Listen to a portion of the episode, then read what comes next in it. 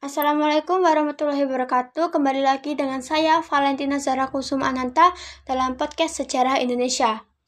Kali ini saya akan membahas tentang cara berpikir sejarah dan perpaduan cara berpikir diakronik dan sinkronik dalam karya sejarah.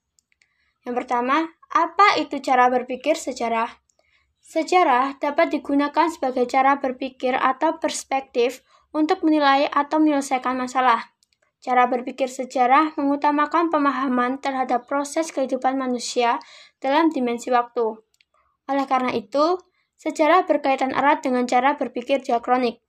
Meskipun demikian, cara berpikir sinkronik sangat diperlukan dalam penjelasan sejarah.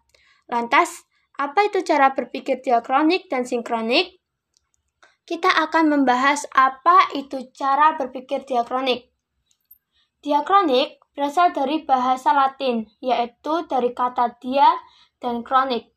Dia artinya melalui dan kronik artinya waktu.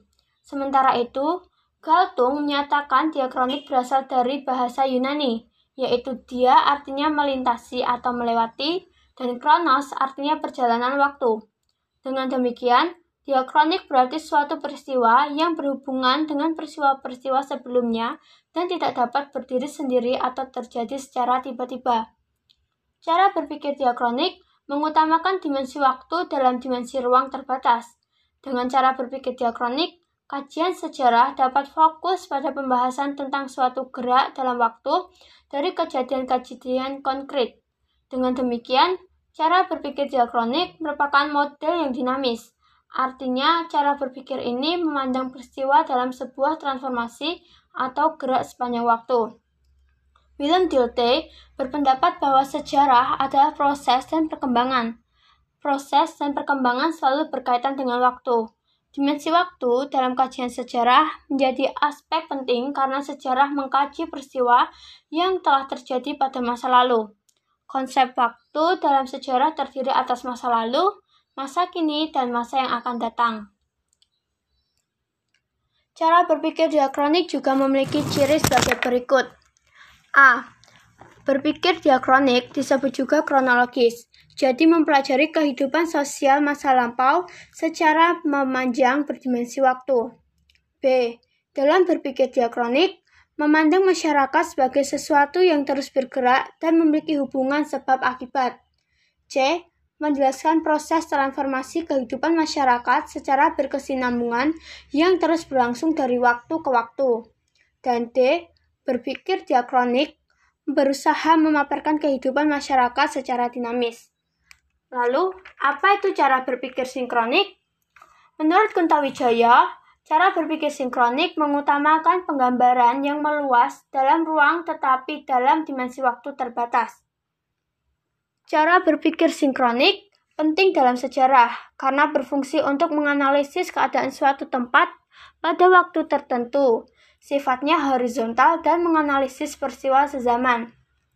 Adapun ciri-ciri berpikir sejarah secara sinkronik. A. Mengkaji pada masa tertentu.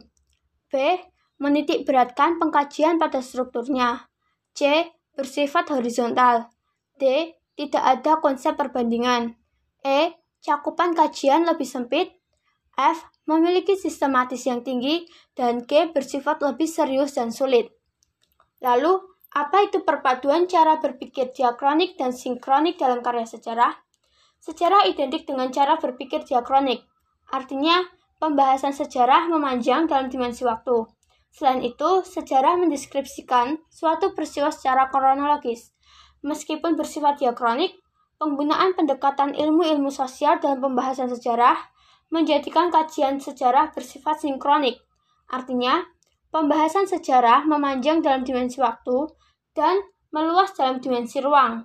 Selain itu, pendekatan ilmu-ilmu sosial dalam pembahasan sejarah sangat diperlukan agar peristiwa sejarah dapat disajikan secara komprehensif. Sekian penjelasan dari saya mengenai cara berpikir sejarah, dan perpaduan cara berpikir diakronik dan sinkronik dalam karya sejarah. Sampai jumpa di podcast selanjutnya. Wassalamualaikum warahmatullahi wabarakatuh.